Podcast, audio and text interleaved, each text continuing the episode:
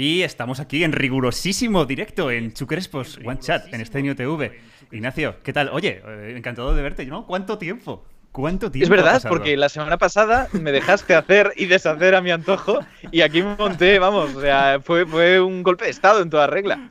No, fue maravilloso, fue maravilloso. La próxima vez que te vayas haré un curso aquí, buscaré a alguien que nos explique cómo leer, pues no sé, lenguaje cuneiforme, algo por el estilo. Es muy fuera de tono. a mí me pareció bastante interesante. Yo logré un poco ver el final y, oye, estuvo, estuvo guay, estuvo guay. No sé el chat qué opina, qué tal el, el directo de un Crespo, un chat. Fue densillo, ¿eh? pero de todos modos por eso hemos decidido que, oye, pues si fue denso el de la semana pasada, ¿por qué no hacemos este un poquito más light? Y quién mejor para hacer algo light que traer a Francis Villatoro para hablarnos de física fundamental. Eso, Francis, ¿cómo estás? Oye, un honor el que te estés aquí con nosotros. Un placer, para mí es un placer. Y hablar de física fundamental, mucho más. Claro, evidentemente. Eh, joder, Francis, no, de verdad. Es que yo em, tengo muy buenos recuerdos eh, es que como me han venido flashbacks de Vietnam. Eh, tengo muy buenos recuerdos de, eh, creo si no me equivoco, el primer Naucas en el que estuve, que estuvimos Martí, estaba también Inés. De, Inés, y, yo recuerdo que tú fuiste, te viniste a comer con nosotros. Nos preguntaste de todo, o sea, te interesaste un montón por nuestro mundo de YouTube, que era una cosa que normalmente muchos divulgadores no hacían en ese tiempo. Y joder, eso mm. lo, lo aprecio un montón, de verdad, de corazón. Lo aprecio un montón, fue, fue muy guay. Sí, bueno, a mí me interesaba un poco el mundo y bueno, y por estar con gente diferente a la habitual, porque siempre estamos con los mismos. Eso es cierto. Y, Eso es cierto. Y siempre es bueno ir cambiando de gente, ¿no? El, el Naucas es un evento ideal para eso, para hacer networking, ¿no? Y conocer a gente que hace cosas transversales a lo que tú haces, ¿no? Al, los Naucas de toda la vida, pues ya me había ido a comer con ellos muchas veces, pues por eso prefiero siempre ir variando de Naucas en Naucas. Claro, qué guay, qué guay. Eh, bueno, Francis, para el que no te conozca, era, eres. Ignacio, creo que tienes la presentación tú más, más pulida que, yo, ¿no? Eh, yo, me las improviso siempre, pero bueno, Francis, que lo tenemos aquí, pasa un poco como con, Luis la semana pasada, que cuesta presentarle porque no, sabes qué decir de todo. Es lo que Santi Cremades dice, un impresentable. Y en este caso, pues tenemos a, alguien ante nosotros que tiene dos carreras, porque si no me equivoco, eres informático y eres físico, pero decidiste doctorarte en algo que no es ni matemáticas ni física exactamente, sino que es, o sea, ni informática ni física, no sé si he dicho matemáticas, es matemáticas. Exactamente. que ahí me ha armado lío porque me escucho con retorno y de repente esto es un, un idiotizador. No sé por qué, porque tengo apagado el sonido del Twitch. En fin. Sí, bueno, yo, yo me doctoré en análisis matemático aplicado. El análisis matemático aplicado es la parte del análisis matemático, es decir, eh, la parte de las matemáticas que estudia eh, básicamente las ecuaciones diferenciales, las ecuaciones de las parciales, las ecuaciones integrales, que son las herramientas básicas que desde Newton se usan para entender los problemas físicos y los problemas de ingeniería. Y cuando en la gente de análisis matemático habla de análisis matemático aplicado, eh, lo que están haciendo es básicamente lo que el resto del mundo llama matemáticas aplicadas de toda la vida. Vale. la matemática aplicada es muy parecida a la matemática física o a la física matemática y por lo tanto conecta fácilmente con física. Y yo siendo eh, licenciado en físicas, me dejaron hacer el doctorado en análisis matemático aplicado. Vale, vale. Y aparte de esto, eres uno de los divulgadores que más recorrido tienen, porque ¿cuánto tiempo llevas en esto? Eh, bueno, yo en principio divulgando llevo mucho tiempo, pero divulgando así de manera más o menos conocida, eh, básicamente desde 2008, eh, cuando empecé con el blog. Yo hasta que empecé con el blog, yo había dado muchas charlas, pues aquí en Málaga, ¿no? Yo estoy en la Universidad de Málaga, y incluso en institutos para gente joven, eh, he dado charlas eh, invitado en, ciertos lugares, pero y en Latinoamérica también di bastantes charlas de divulgación, muchas veces además yo me ofrecía, ¿no? ¿De qué queréis que os hable? Y me decían, bueno, pues de esto mismo. Pues venga, pues hablamos es decir, eh, yo en ese sentido era muy todoterreno y a mucha gente le encantaba, ¿no? Porque ya me decía, mira, ha habido una noticia de teoría de juego, ha salido la película Una mente maravillosa, venga, alguien que hable de teoría de juego. Digo, pues si queréis, yo doy una charla de una hora de teoría de juego, explico eh, lo que ha hecho NAS, ¿no? Y, eso pues hizo que diera muchas charlas. Pero claro, eso eran cosas muy puntuales, porque eso al final tiene un eco muy local, ¿no? Claro, Aunque la dejes en un salón ampliar. personas, y de hecho, que, decimos blog y es posible que mucha de la gente que está en el chat no sea especialmente asidua a los blogs, pero eh, eh, tú participas en Naucas, en el blog de Naucas, y si no me equivoco, creo haber escuchado una vez del mismo Peláez decir que tu parte, tu blog, tiene casi tantas visitas en algunos momentos del año como el resto de Naucas junto.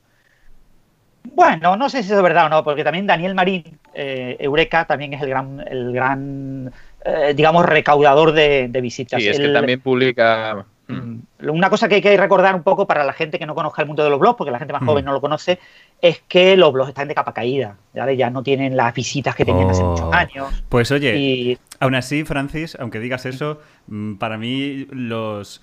O sea, habéis hecho un trabajo tan grande, no solo de, términos, de, contenido técnico, haberlo traducido, sino que habéis abierto... Es mucho más fácil ahora encontrar ese contenido técnico que antes estaba mucho más oscuro. O sea, Muchísimo. Es decir, no, es cuestión de que me lea, por ejemplo, tus, tus posts y yo luego para hacer los vídeos me los copie, sino que sino que es el hecho de que, de que ahora es muchísimo más fácil llegar a las fuentes originales. Los habéis, habéis ayudado como a conectar internet en, ese sentido. Totalmente. O sea, sí, sí, sí, desde luego, o sea, respeto total y vamos, yo, yo recuerdo con, con, muy, muy buen gusto, por ejemplo, muchos posts de cuentos cuánticos, de Clara Grima, mm, de... Y por supuesto los tuyos, vamos. Vamos, yo, realmente la actualidad científica la sigo otra vez de Coffee Break y tu blog. realmente. Es que es eso, porque además es eso. Esto es un dato que yo creo que sorprenderá al chat. Tu blog en cuanto a actualidad científica está muy bien, no solo por la calidad con la que tratas las cosas y por la prontitud con la que lo sacas, sino por la cantidad de artículos que sacas. O sea, tu récord en cuánto está, porque creo haberlo leído alguna vez y me sorprendió muchísimo. Bueno, yo, el, yo tengo un total alto, no sé ahora cuántas son, son 5.600 o algo así, en 12 años y pico. Eh, yo el promedio creo que es 1,4 al día. Es una barbaridad. Ahora, uno, he de confesar que en los últimos meses pues estudio muchos podcasts, etcétera, entonces muchas entradas son anuncios de podcast y cosas por el estilo. Pero todo está correctamente referenciado, porque incluso cuando son anuncios de mm. podcast metes los enlaces, artículos y... Claro, esa es mi idea con el blog, que el, mm. blog eh, contenga, digamos, la información que en un podcast o en un vídeo o en cualquier sitio no, no puedes contar, ¿no? Porque eh, puedes referenciar claramente todas tus fuentes y, y, ver un poco cómo, está esa información, ¿no? Eso no, en el blog es más fácil que en otros medios. Aún así, ya te digo, los blogs están de capa caída. Ahora mismo en, Naucas, lo que es Naucas el, el como blog eh, que agrega a diferentes blogs, eh, el propio de Naucas publica muy poco. Eh, está mm. publicando cosas, pues César Tomé, por ejemplo, de anuncios de lo que hace Mapping, de lo que se hace en toda la red de blogs, bueno, el, el cuaderno de cultura científica, varios blogs colaborativos son parte, digamos, de un tinglado que se publicita a través de Naucas. ¿no? Y poco más, y algunas entradas invitadas. ¿eh? Eh, a los investigadores jóvenes que nos estén viendo, eh, si hay alguno, un buen sitio para promocionar tu trabajo es enviar cosas a Naucas. Las envías en español y se entera, las lee mucha gente. Y después, claro, el gran blog que publica, claro, Daniel Marín publica algo menos de una entrada al día, en promedio. Son entradas mucho más largas, con lo que el tiempo de lectura es mayor pero tiene un público muy, muy fiel. Y entonces eh, tiene un poquito más de visitas que yo, puede ser un 30% o 40% más visitas eh, al diarias que yo, ¿no? Y lo que pasa es que los días que no publica, eh, pues tiene menos visitas.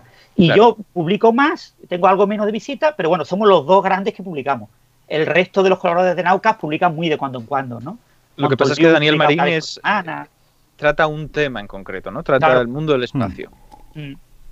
Pero esa es la diferencia. Eh, Daniel trata actualidad relacionada con el mundo del espacio. Y yo trato actualidad. actualidad que me ha llamado la atención eh, en el día en el que ha ocurrido, ¿no?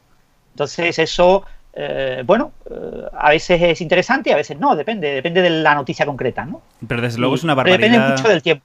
Ahora mismo estoy muy, muy liado a tiempo y tengo poco tiempo para, para contribuir tanto como contribuía eh, eh, antes, pues, eh, de Nature o Science, prácticamente todas las semanas publicaba algo. Ahora, pues, hay muchas semanas en las que no puedo publicar nada porque no tengo tiempo, literalmente. Pero es, normal, es normal, porque es la vida del investigador, etcétera. Mm. claro, es que aparte de esto eres profesor en la Universidad de Málaga. Que sí. hay que decirlo todo. La docencia es, mucha docencia.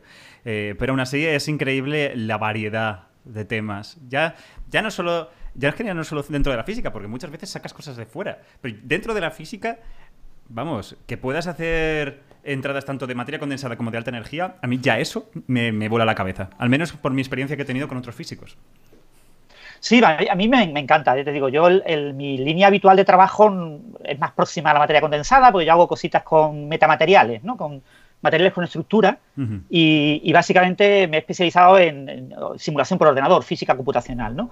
Usar el ordenador para entender la propagación de ondas, ondas de luz, eh, en un medio estructurado y un medio que tenga una estructura, una microestructura por debajo de la longitud de onda de la luz. Es decir, eh, ahora pues está de moda el grafeno, pues yo he trabajado con superredes de grafeno, he trabajado con, hace unos años, con eh, fibra óptica con agujeros. En, el, núcleo de la fibra óptica pones agujeros y esos agujeros tienen una escala menor que la longitud de onda de que confinas, se llaman fibras de cristal fotónico. He trabajado con cristales neumáticos, parecido a los de los cristales líquidos que se ven en muchas pantallas.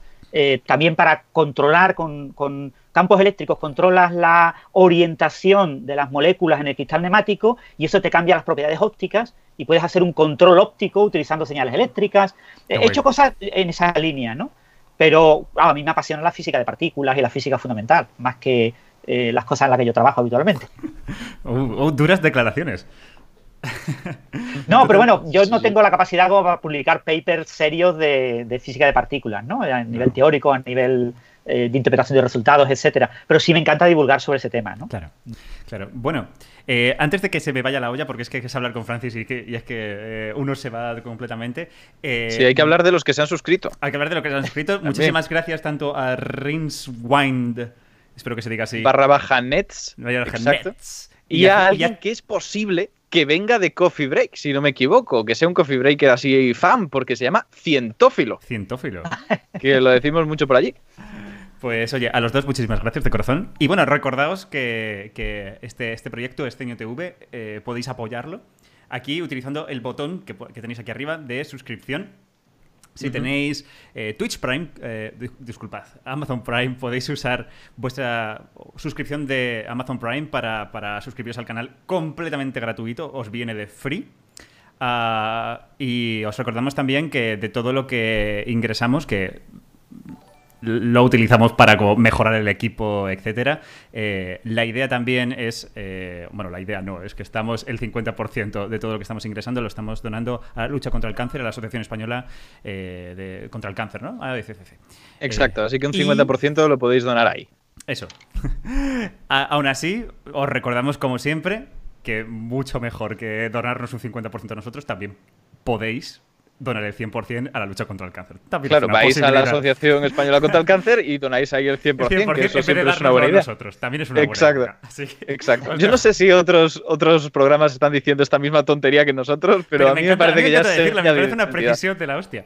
Eh, a, mí, a mí totalmente, me parece muy honesto. Y hemos tenido otra suscripción, además con Twitch Prime, para que veáis que se puede hacer, eh, del señor Nexus Ajo, o la señora, no se sabe. Muchas gracias, de corazón. Y recordad también otra cosa, que es que las suscripciones de Twitch Prime caducan al mes de haberla hecho. Así que es posible que muchos de los que suscribisteis el, año, el mes pasado ahora eh, os hayáis dado de baja. De hecho, yo me he suscrito hace nada, porque me, ponía arriba que, en plan, otra vez como renueve tu Ah, fíjate, sí, pues yo también. Mira, me voy a suscribir ahora mismo en persona. Sí, perfecto. Te puedo, dar las gracias en directo. Por favor. A ver, a ver, vamos a esperar. A mí me tienes que hacer el baile. A mí, nada de bailes. El, baile, eh, tenemos que poner un contador de suscriptores y saber cuándo, cuándo es el día del baile. Eh, pero bueno, eh, y, pocos más anuncios, ¿no? Que Nevesu nos diga en el chat si hay algún anuncio más. Eh, muy bien, muchas, ese de Stendhal, muchísimas gracias por tu suscripción. All right, dos meses, dos meses de suscripción, muy bien, muy bien. Ya ves. Bueno, Francis, te estás volviendo loco con todo esto, ¿verdad? En plan, ¿de qué está pasando aquí? En Coffee Break no hacen esto. tranquilo, no pasa nada. Bueno, eh, vamos a la materia, ¿no? Porque hoy tenemos un programa mm, muy cargadito de, contenido, muy, muy bien y, polémico. Mira, se ha suscrito alguien más. Antes de seguir y meternos en faena, se acaba de suscribir Huider13. Así que muchísimas gracias, Huider13. Muchísimas gracias. Eh, si es posible que creáis que no somos suficientemente fusivos, dándos las gracias por esto. Lo sentimos, es que somos gente poco expresiva por lo general, pero os, apuntamos el nombre, nosotros lo pasamos a Arcadia Nevesu y si vais a su directo el lunes de Science Extravaganza, bailarán por vosotros. Bailarán, ellos, bailan mucho. Exacto. Eh, sí. A ver, yo, la verdad es que sí soy un poco efusivo, ¿no? ¿Cómo se dice? Eh, soy un poco... Una persona que está como gesticulando todo el rato hasta, que, hasta el punto que parece molesto. Histriónico. Histriónico, exactamente, eso soy. Eh, pero a la vez soy un poco tímido, así que si, si os. Si, que no os moleste nuestra poca efusividad, realmente nos pone muy contentos que, nos apoyéis. Muchísimo. De hecho, también que nos den los bits, que acabamos de ver que Rainy Lock nos ha dado 100 bits. Sí, mil gracias. Y me parece que alguien más que me he pasado por Centro, Centro Médico, Yago, muchísimas gracias por renovar tu suscripción. Y Corezer también nos ha dado 90, así que muchas gracias. Ahora está entrando de repente todo, pero que. Mil gracias, nos está entrando toda. No suscribáis más. Eso. Ni uno más. Hasta dentro de 15 que tenemos que hablar de cosas. Exacto. Vamos a hablar de cosas importantes. Vamos a hablar. Bueno, notición. Wolfram, el creador de matemática, Wolfram Alpha, eh, Wolfram Alpha seguro que lo conoceréis todos, por Dios. Si estáis en bachillerato tenéis que hacer derivadas integradas eh, o integrales, usad Wolfram Alpha, por Dios. Y bueno, eh, él no se llama Wolfram Alpha, él es Stephen Wolfram, hay que decirlo. Es su apellido. Pero estaría bien. voy a decir Wolfram Alpha muchas veces, ¿eh? preparado. Lo usaba hasta yo. Pero, pero eh, notición, de repente aparece. Este señor ya estaba dando señales de, que algo así iba a aparecer por, por, las cosas que había visto de él. Pero eh, Francis, confírmanoslo, de repente aparece y dice que ha fabricado al menos una proto teoría del todo que tiene unos indicios de que, de que tiene entre manos lo que podría el ser el primer camino a, una teoría del todo, ¿no? Bueno, en, principio, Wolfram, eh, como es una persona que cualquier cosa que haga genera un impacto enorme, lo que ha creado es una gran bola de marketing alrededor de su nuevo libro. Entonces ha dicho, voy a sacar mi nuevo libro. Entonces, en lugar de decir, saco el libro y ahora empiezo a hacer vídeos de YouTube y a dar una promoción tremenda y a hacer muchas entrevistas y participar en muchos podcasts, lo que hago es primero participo, hago todo esto una semana antes, unos 10 días antes, y después saco el libro, ¿no? Entonces, básicamente lo que estamos es ante el nuevo libro en el que las ideas, en mi modesta opinión, no hay muchas nuevas ideas, son las ideas que ya estaban en el libro anterior y que están en la mente de Wolfram pues desde principios de los 1980, desde su famoso regla 110 de 1983. Ostras. O sea que esto venía desde hace muchísimo. Desde muchísimo, porque eh, como sabéis, bueno, os cuento brevemente la historia de Wolfram. Por favor, por favor. Eh, Wolfgang es un eh, físico, bueno, es un, es un genio, es, es, es, como Ignacio Crespo, ¿no? De estos niños prodigios. Totalmente, totalmente. Eh, Ostras, eh, que me diga eso, Francis, yo me voy contento, ¿eh? De verdad, no lo merezco. Ignacio muy pronto, ¿no? sí, a los 16. O sea, Wolfgang es una persona que entra en la universidad muy pronto y que rápidamente el, el claustro de profesores eh, entró allí en, California y estuvo con, Richard Feynman de profesor.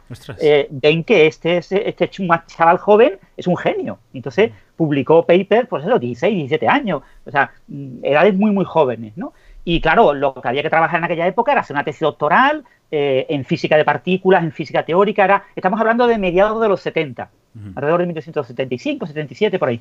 Entonces, en esa época, el, el tema estrella era el modelo estándar. ¿Y por qué era el modelo estándar de la física de partículas? Porque había nacido en 1973. Y, era una cosa súper reciente, porque estaban descubriéndose nuevas partículas, porque estaba todo mm, moviendo todos los fundamentos de la física. Y entonces él se pone a trabajar en esa línea y él ve que en esa línea, pues eh, lo, para él lo más productivo es desarrollar una cosa más informática, más de punto de vista de cálculo, algo parecido a matemática. Eh, y esto viene de la línea del premio Nobel Etov y de Bellman.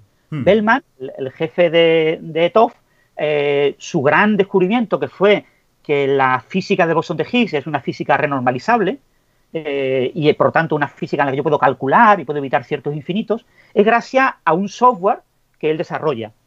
Y, ese software le permite calcular eh, lo que se llaman integrales de Feynman, ¿no? diagramas de Feynman de manera muy rápida. Entonces, gracias a eso logra publicar unos resultados que al final acaban eh, lográndole eh, y dándole el premio Nobel. Bueno, pues eh, Wolfram hace algo parecido, desarrolla otro software parecido en mente con ideas parecidas que se llamaba SMP. El problema es que Wolfram se da cuenta de que esto es algo súper útil y que puede generar beneficio económico. Entonces habla con la universidad, la universidad dice que no, que si has desarrollado ese software bajo, siendo parte del staff, parte de, la gente que es postdoc, en esta universidad, la explotación de ese producto es de la universidad. Claro. Tú puedes ganar eh, el oro y el moro porque lo hayas hecho tú.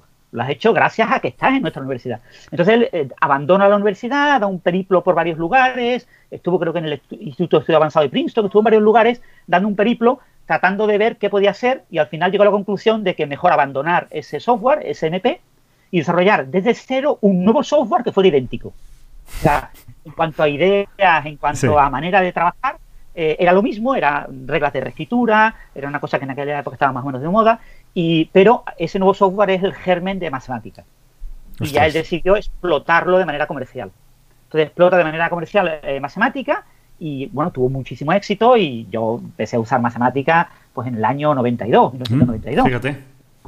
Fíjate, yo pensaba que era algo un poco más moderno, matemática. No, no, impacto. Eh, creo que la primera, yo estuve trabajando con la primera versión de matemática para, para Apple, para un Mac, eh, y creo que salió al mercado como en el 88, 89. Fíjate. yo, tenía entendido que era muy antiguo, lo que pasa es que, claro, se ha ido renovando muy bien y ha ido actualizando muy bien todo. Sí, fíjate. Em, debo dar las gracias a Frafel porque se acaba de suscribir, muchísimas gracias. Y a lo mejor para algunos de los eh, de nuestros espectadores que eh, no, no, te tengan muy bien ubicado qué es matemática, porque yo hasta que entré en la carrera no, no lo conocía, deberíamos describir un poco qué es. Y Francis, ahora tú me completas, por supuesto, pero yo diría que es, es, es, una, maravilla, es una maravilla. O sea, es, una, locura. Es una locura de software. Es, mucho, muchas veces se piensa que eh, al final los ordenadores lo que pueden hacer es como cálculos en plan calculadora, de hacer sumas, restas muy rápidas y tal. Y matemática es como otra cosa. Es literalmente que tú pones una integral ¿vale? Y en vez de darte un número, que a lo mejor es lo que alguien podría pensar de, pues, pues bueno, tienes una integral, hay que hacerla, o tienes que hacer como un cálculo y te va a dar un número, ¿sabes? Como que un ordenador expulsa un número, de repente un software como matemática te da los resultados analíticos, se dice. De que tú le metes una integral muy chunga y de repente matemática te dice, sí, es seno de x partido por x cuadrado. Como algo que, que es muy loco, ¿no? Como que casi pensarías que es como un humano que te ha dado la solución de alguna manera.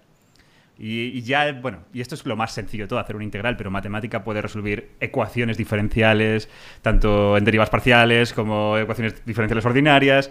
Y, vamos, y con un golpe de clic, de repente un problema súper completo ah. te lo desglosa en gráficas, etcétera, con una versatilidad enorme. Es un programa maravilloso.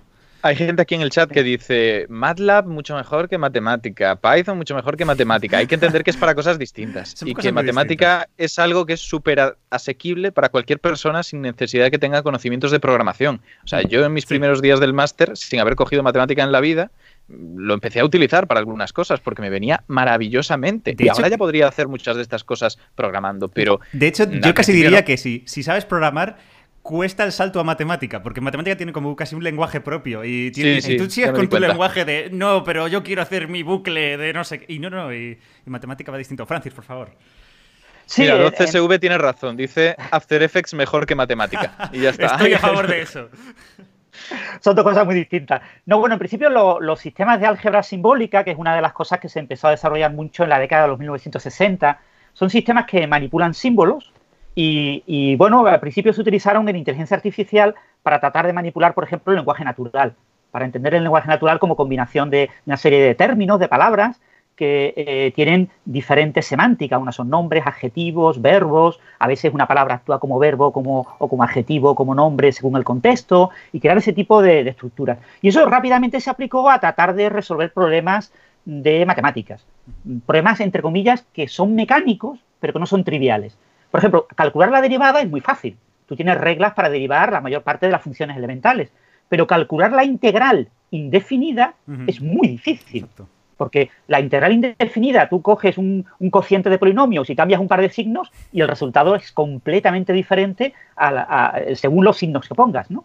Calcular primitivas es la parte difícil de las matemáticas de bachillerato para muchos estudiantes porque calcular integral es muy difícil. Y lo mismo resolver ecuaciones diferenciales, lo mismo muchas cuestiones de álgebra, de calcular por ciertas propiedades de, ciertos grupos, de, ciertos objetos matemáticos, eh, para, eh, bueno, eh, muchas cuestiones que son puramente repetitivas en matemáticas, que, que tienen a veces un algoritmo que más o menos si tú tienes eh, lo que llamamos el informático heurístico, si tú tienes algún tipo de idea de por dónde puede ir el resultado, pues mm, puedes eso guiar el que lleves al resultado correcto, pero que eh, muchas veces no tienes buena idea y tienes que seguir diferentes caminos, tratar diferentes alternativas e ir viendo cuál de ellas te va llevando, como si fuera una partida de ajedrez en la que vas jugando contra contrincante y vas tomando decisiones, ¿no? Pues yo muevo esta pieza pensando que él va a ser la otra y después me va a contestar con tal, ¿no? Pues ese tipo de cosas, desde el punto de vista de la manipulación matemática, es lo que permitieron estos sistemas de álgebra simbólica.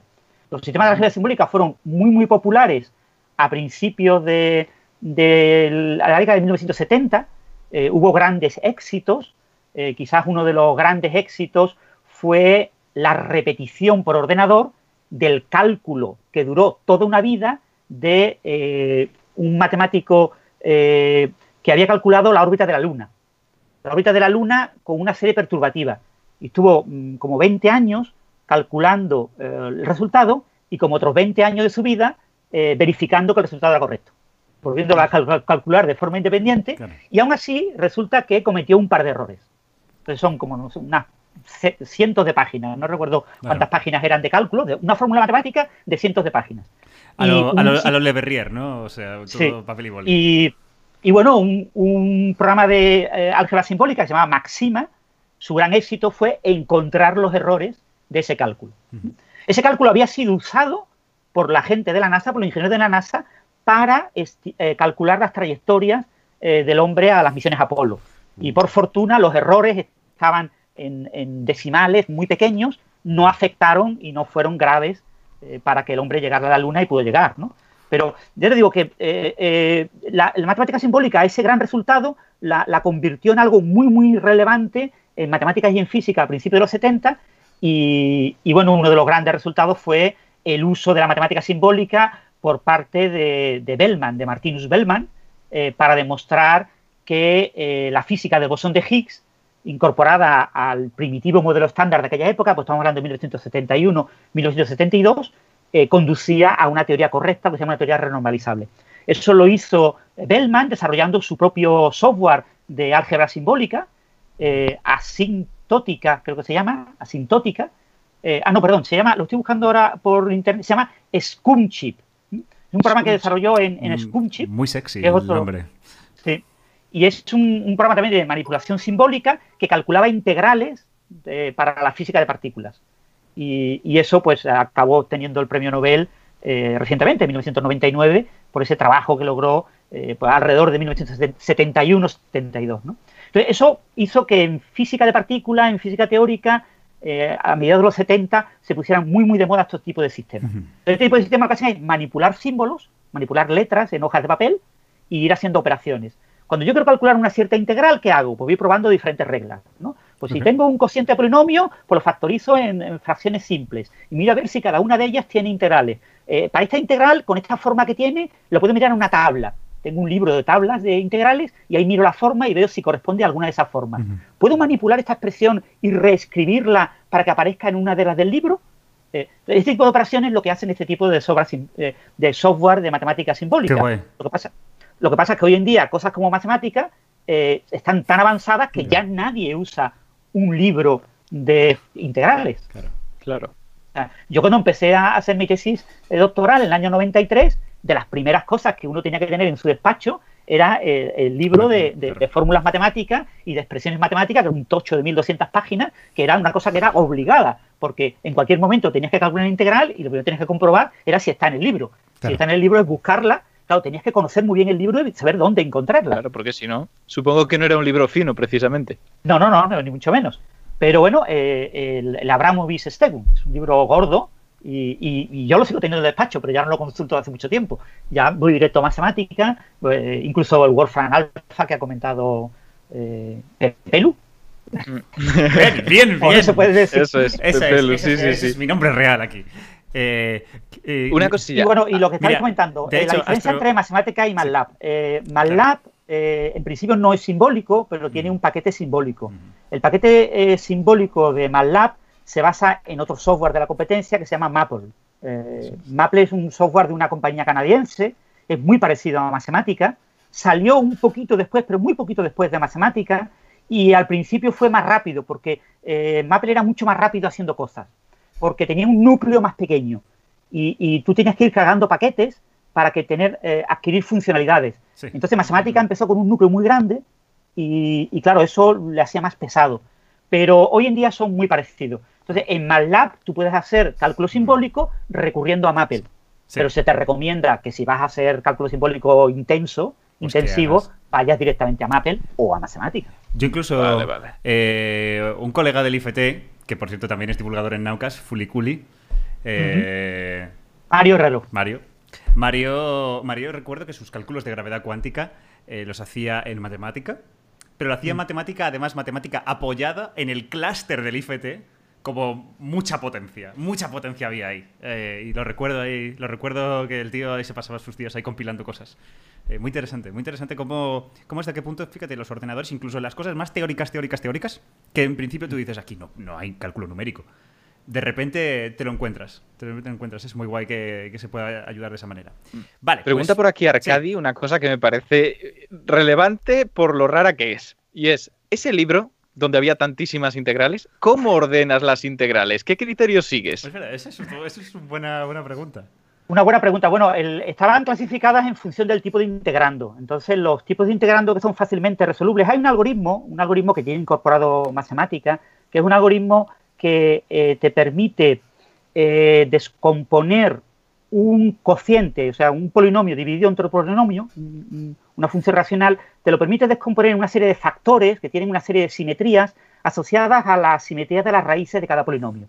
Esto es parecido a la teoría de Galois. No sé si, muchos oyentes sabrán algo de ella, pero bueno, la teoría de Galois básicamente es una teoría sobre las simetrías entre las permutaciones de las raíces de polinomios. Bueno, pues se puede construir una teoría parecida eh, para los cocientes de polinomios y se basa en un objeto matemático que se llaman bases de Grepner. Grepner fue el padre de, este tipo de, técnica. Entonces, eh, las bases de Grepner te permiten trabajar con cocientes de polinomios en una variable, en una exponencial, si son complejos, eh, trigonométricas, etcétera. Entonces, lo que tú haces con el integrando, básicamente, es descomponerlo en diferentes, con las bases de Grepner en diferentes términos. Entonces, esos llamados términos eh, te permiten clasificar los tipos de integrales que tú puedes obtener de manera simbólica. Entonces, en el libro tú tenías, empezabas con una serie de integrales. Pues integrales eh, con exponenciales. Pues eh, primero, polinomios exponenciales. Cocientes de polinomios en los que el denominador es solamente lineal y la parte de arriba es la que cambia. Cociente de polinomios en el que el denominador es un grado mayor que 1. Vas teniendo así como una especie de jerarquía y esa jerarquía, ese orden, va determinado por el número de términos que tiene la base de Gremlin. Entonces, en la página 978, al final del libro, es exponencial de seno eh, con una integral dentro de la exponencial de un coseno hiperbólico. Bueno, ya eso es too much. Si lo complicas un poquito, al final no tienen. Eh, la mayor parte de las integrales no tienen, no tienen primitiva, ¿vale? No, no, hay, ninguna función que con eh, funciones elementales te dé ese resultado. Claro. Eso es. Una cosilla. Han dado por aquí más bytes de estos o bits o lo que sea, así que muchísimas gracias. Mark, muchísimas gracias, Mark, por, los bits. Eso es, em, Mark Girons. Y bueno, comentar que punto uno, no sé cómo se puede vivir sin control F y control Z. Y punto dos, em, hablemos de, la teoría del todo que ha presentado Wolfram. sí. bueno, supuestamente. Entonces, la, Mm, si queréis, os resumo brevemente. a principios de los 80, eh, Wolfram desarrolla SMP, tiene sus problemillas, se, va, se pone entonces en un momento en el que dice, eh, tengo dos opciones, me mantengo en la academia eh, o hago el software que yo quiero, el de futuro matemática. Matemática nace, creo que, lo miran en la Wikipedia, en el 86, 1986, como empresa. Y y bueno, eh, Wolfram en ese eh, intríngulis, ¿no? entre 1982 y 1985, eh, mientras está haciendo la nueva versión de matemática, decide abandonar la física de partículas y dedicarse a la física de los autómatas celulares. Entonces, plantea que los autómatas celulares son algo abandonado por la física, algo poco usado por los físicos teóricos y que debería ser más usado porque podría ser muy prometedor para entender a nivel fundamental toda la realidad a nivel cuántico, ¿no? Y, autómatas celulares cuánticos podrían ser el secreto del universo. Entonces, él plantea... Es que parece que estás exagerando, pero no, realmente eso es lo que sugiere él. Es lo que sugiere él. Entonces, él empieza por autómatas celulares clásicos, empieza a recuperar un poco las ideas básicas y propone una serie de cosas que eh, tienen el inconveniente de que para un experto en autómatas celulares pues es, entre comillas, basurilla, es una cosa que, bueno, no aporta nada nuevo, es algo conocido, los autómatas celulares se llevan trabajando desde la década de los 30, o sea, llevaban ya 60 eh, años siendo trabajados, entonces eh, que un físico de partículas reconvertido en experto en autómatas celulares aportara algo nuevo es muy difícil. Pero bueno, él, aporta su famosa regla 110, una regla muy sencillita, que él conjetura que podría ser eh, una regla universal. Es decir, una de las cosas que tienen los autómatas celulares es que son un conjunto universal de cómputo.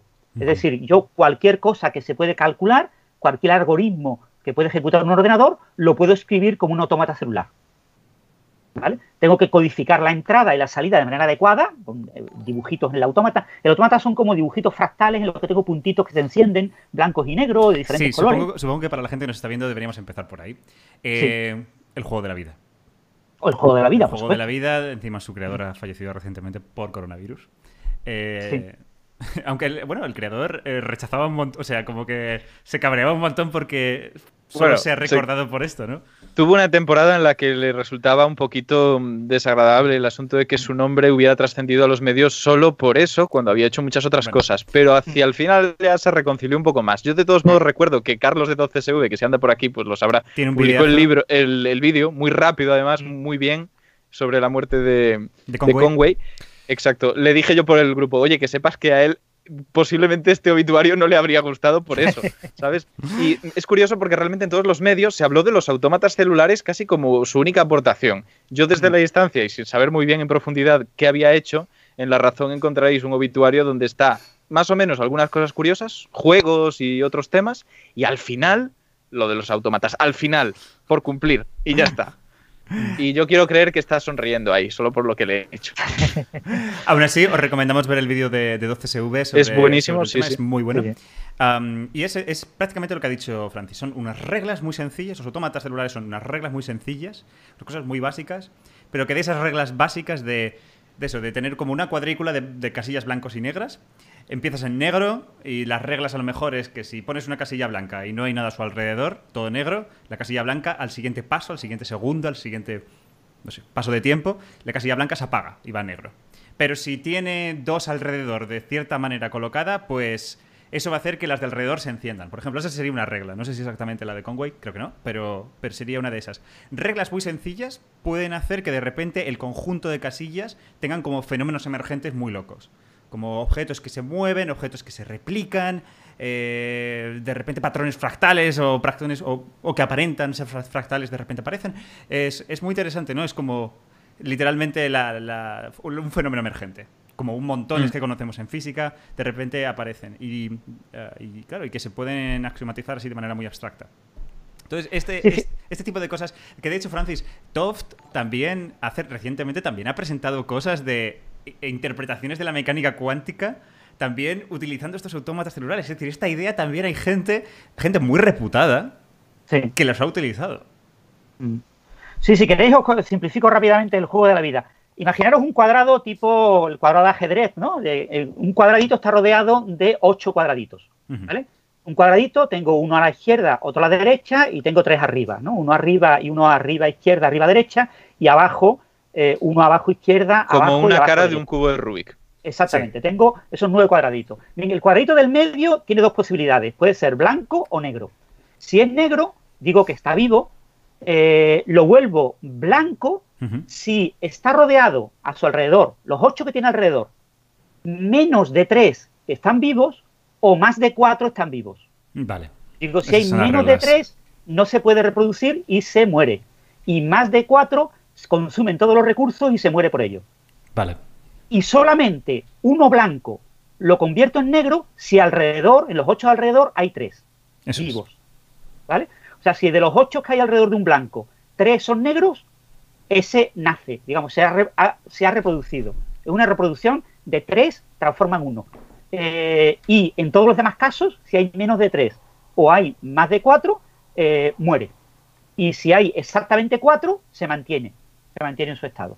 Entonces, eso que parece una regla muy, muy sencilla, te permite construir, si tú coges un tablero aleatorio, tú rellenas un, tablero grande eh, de manera aleatoria y empiezas a evolucionarlo aplicando esta regla eh, por filas, las aplicas una vez para todo, después repites, otra vez son como pasos de la vida, ¿no? Como pasos de un día a otro, ¿no? Como generaciones.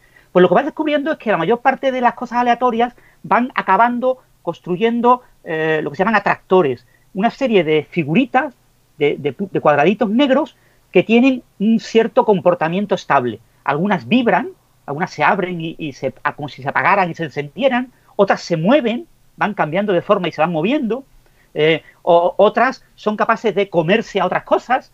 Eh, hay una estructura que cuando llegan a algo se lo comen y mm. continúan y mantienen Otras su forma. parece que están disparando, por ejemplo. Hay disparadores, exactamente, que disparan.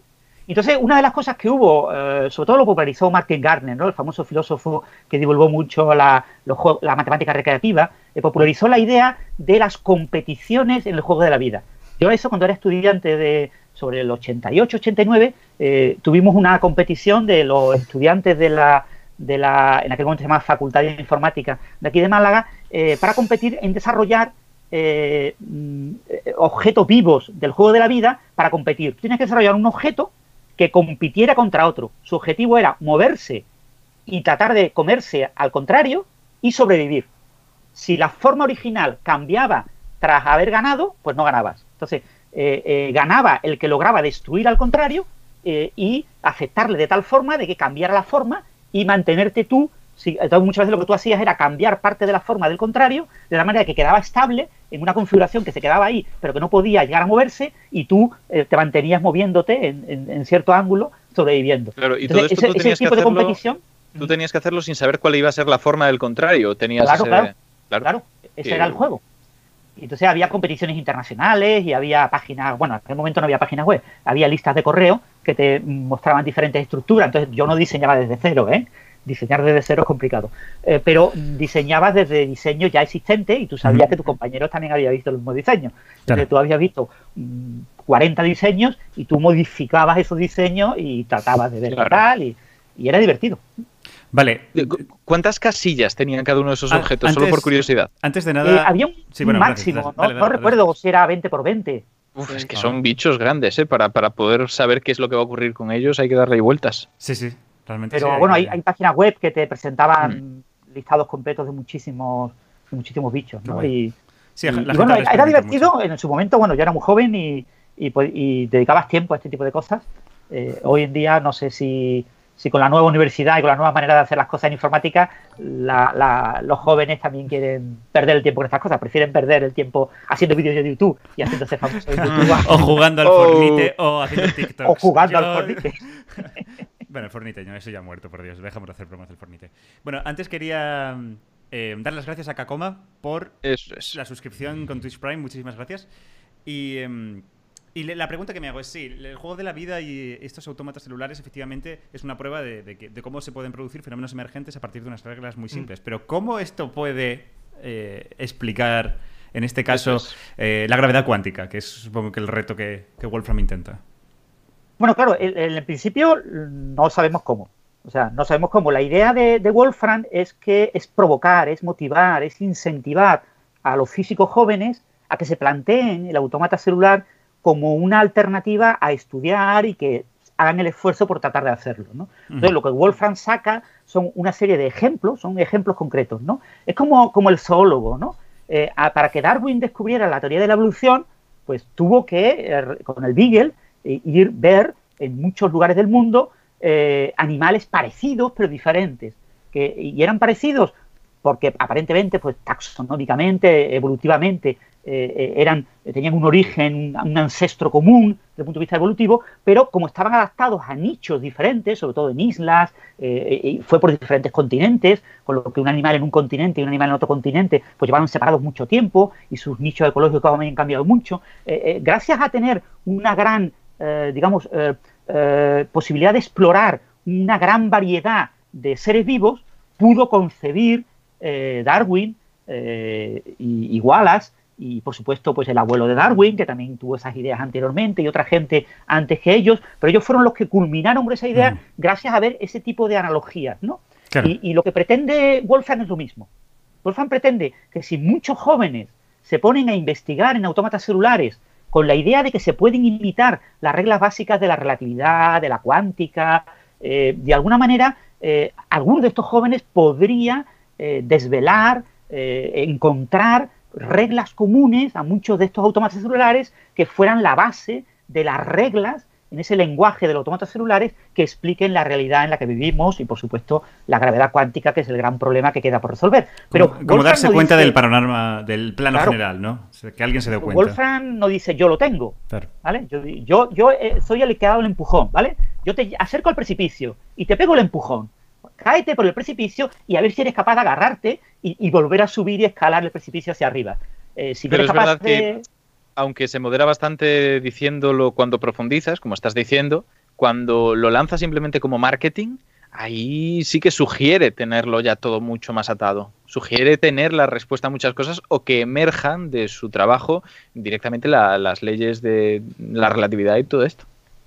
Sí, claro, el, marketing, sobre todo a nivel de título, ¿vale? A nivel de título, cuando el vídeo YouTube este, el primero que presentó la, idea, ¿no? Eh, era un vídeo que cuando tú veías el título, pues esa era la, nueva física fundamental. O sea, era, era como, como una cosa revolucionaria que decía, yo escribí un libro en el año 2002, eh, creo que fue, el, libro este de eh, A New Kind of Science, eh, un nuevo tipo de ciencia reivindicando este tipo de ideas, y, y ahora he estado hasta el 2020, durante 18 años, trabajando, devanándome los sesos, obsesionado con esto, y ahora he descubierto el no va más. ¿eh? Eh, eh, y, claro, todos estábamos, estábamos encantados. Yo estuve viendo el directo, o sea, y como yo, no sé, decenas de miles de personas estarían viendo el directo y, cientos de miles la habrán visto. no, no, sé cuáles son las visitas al vídeo, pero la habrán visto a posteriori. Mm. Claro, tú esperabas mucho, ¿no? A ver, a ver qué, qué me saca este hombre. Este genio ¿Qué me has sacado en estos 18 años? Claro, porque es de esperar que Bueno, bueno, claro, y después él dice, no, no, pero en realidad solo he trabajado los últimos tres años, ¿eh? Yo hasta 2017 no hice nada. Eh, solo he trabajado de 2017 a 2020. Y bueno, en realidad lo que ha pasado es que me he encontrado con dos chavales a los que me, le he hecho un poco de amistad y los he contratado con mi empresa para trabajar en esto. Entonces os voy a contar lo que yo y estos dos chavales han hecho. Uno de ellos lo que ha hecho no lo puede escribir, así que no va a escribir nada. Y el otro va a escrito dos documentos. Y yo os voy a resumir un poco los dos documentos de estos chavales y, bueno, de paso, eh, poneros muchos dibujitos. Pero claro, lo que ha saltado a prensa es totalmente distinto. Claro.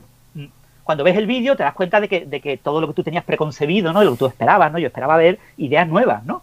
Y básicamente las ideas, desde el punto de vista conceptual, como ideas, son exactamente las mismas del libro de 2002.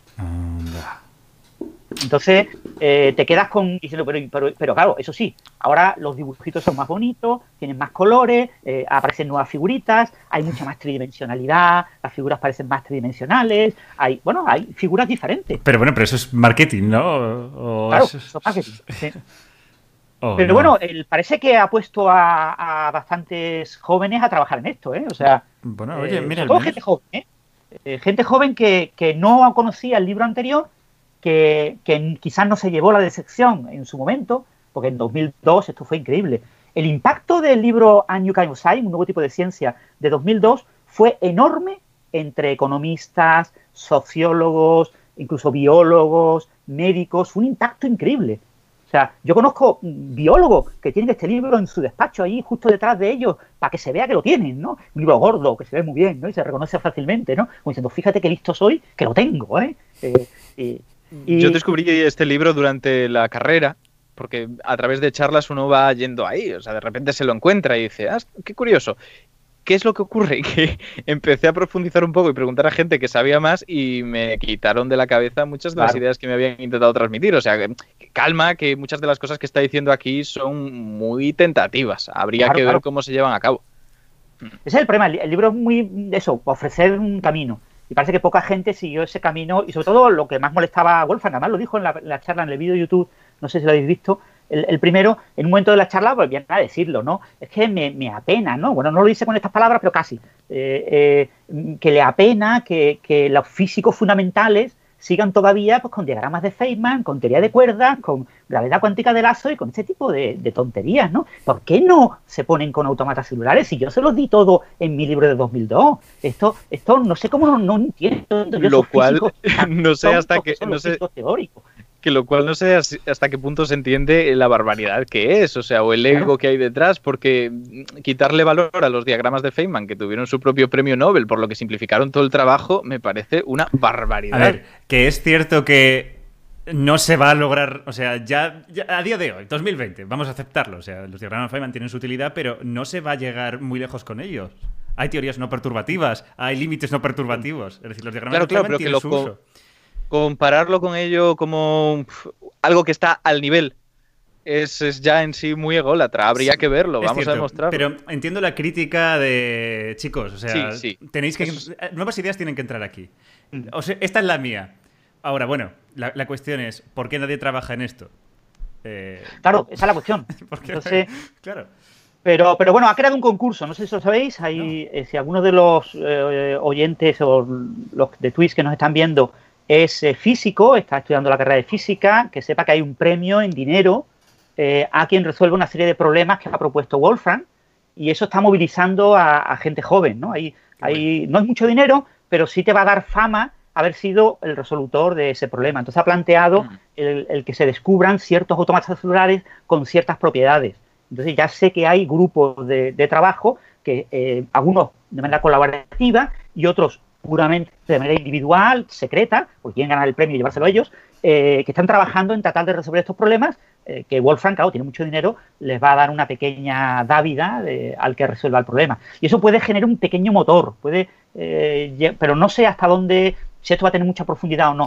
Pero a priori, las ideas de Wolfram presentadas en este nuevo libro, el nuevo libro, ya digo, se anunció como 10 días después de la charla. La charla fue un miércoles, un jueves, y como ese domingo, no, el siguiente domingo, ya se anunció oficialmente el libro. Y, claro, ahora ya todo lo que él había presentado gratis, pues eh, pegado en forma de libro, es el libro. Claro. el libro no contiene nada más de lo que está gratis, pero sí está ordenado, está bien colocado, bien impreso, un tocho gordo, 800 páginas y, bueno, eh, pasta dura y supongo que estará vendiéndolo bien, no lo sé. Eso, Astrosopas comenta aquí en el chat que estaría guay resolver el problema de Wolfram con Wolfram Alpha. Eso ya sería la ironía total. Pero... Mm, Por cierto, eh, Wolfram Alpha, para los que no lo sepan, eh, el futuro de la web, sabéis que la web, eh, que no es la Internet, la Internet es cómo se, se, transmiten los paquetes por una red, ¿no? La web está construida encima, lo que tiene HTML, lo que tenemos las páginas web, ¿no? Mm. Pues la web, la gran red, ¿no? La red tiene la, red 1.0, la 2.0 y la futura 3.0 en la que medio estamos, ¿ya? La, la 1.0 era una, la web de productores, los productores producen y el consumidor consume. La web 2.0 es la web social, la web de tanto los productores como los consumidores producen.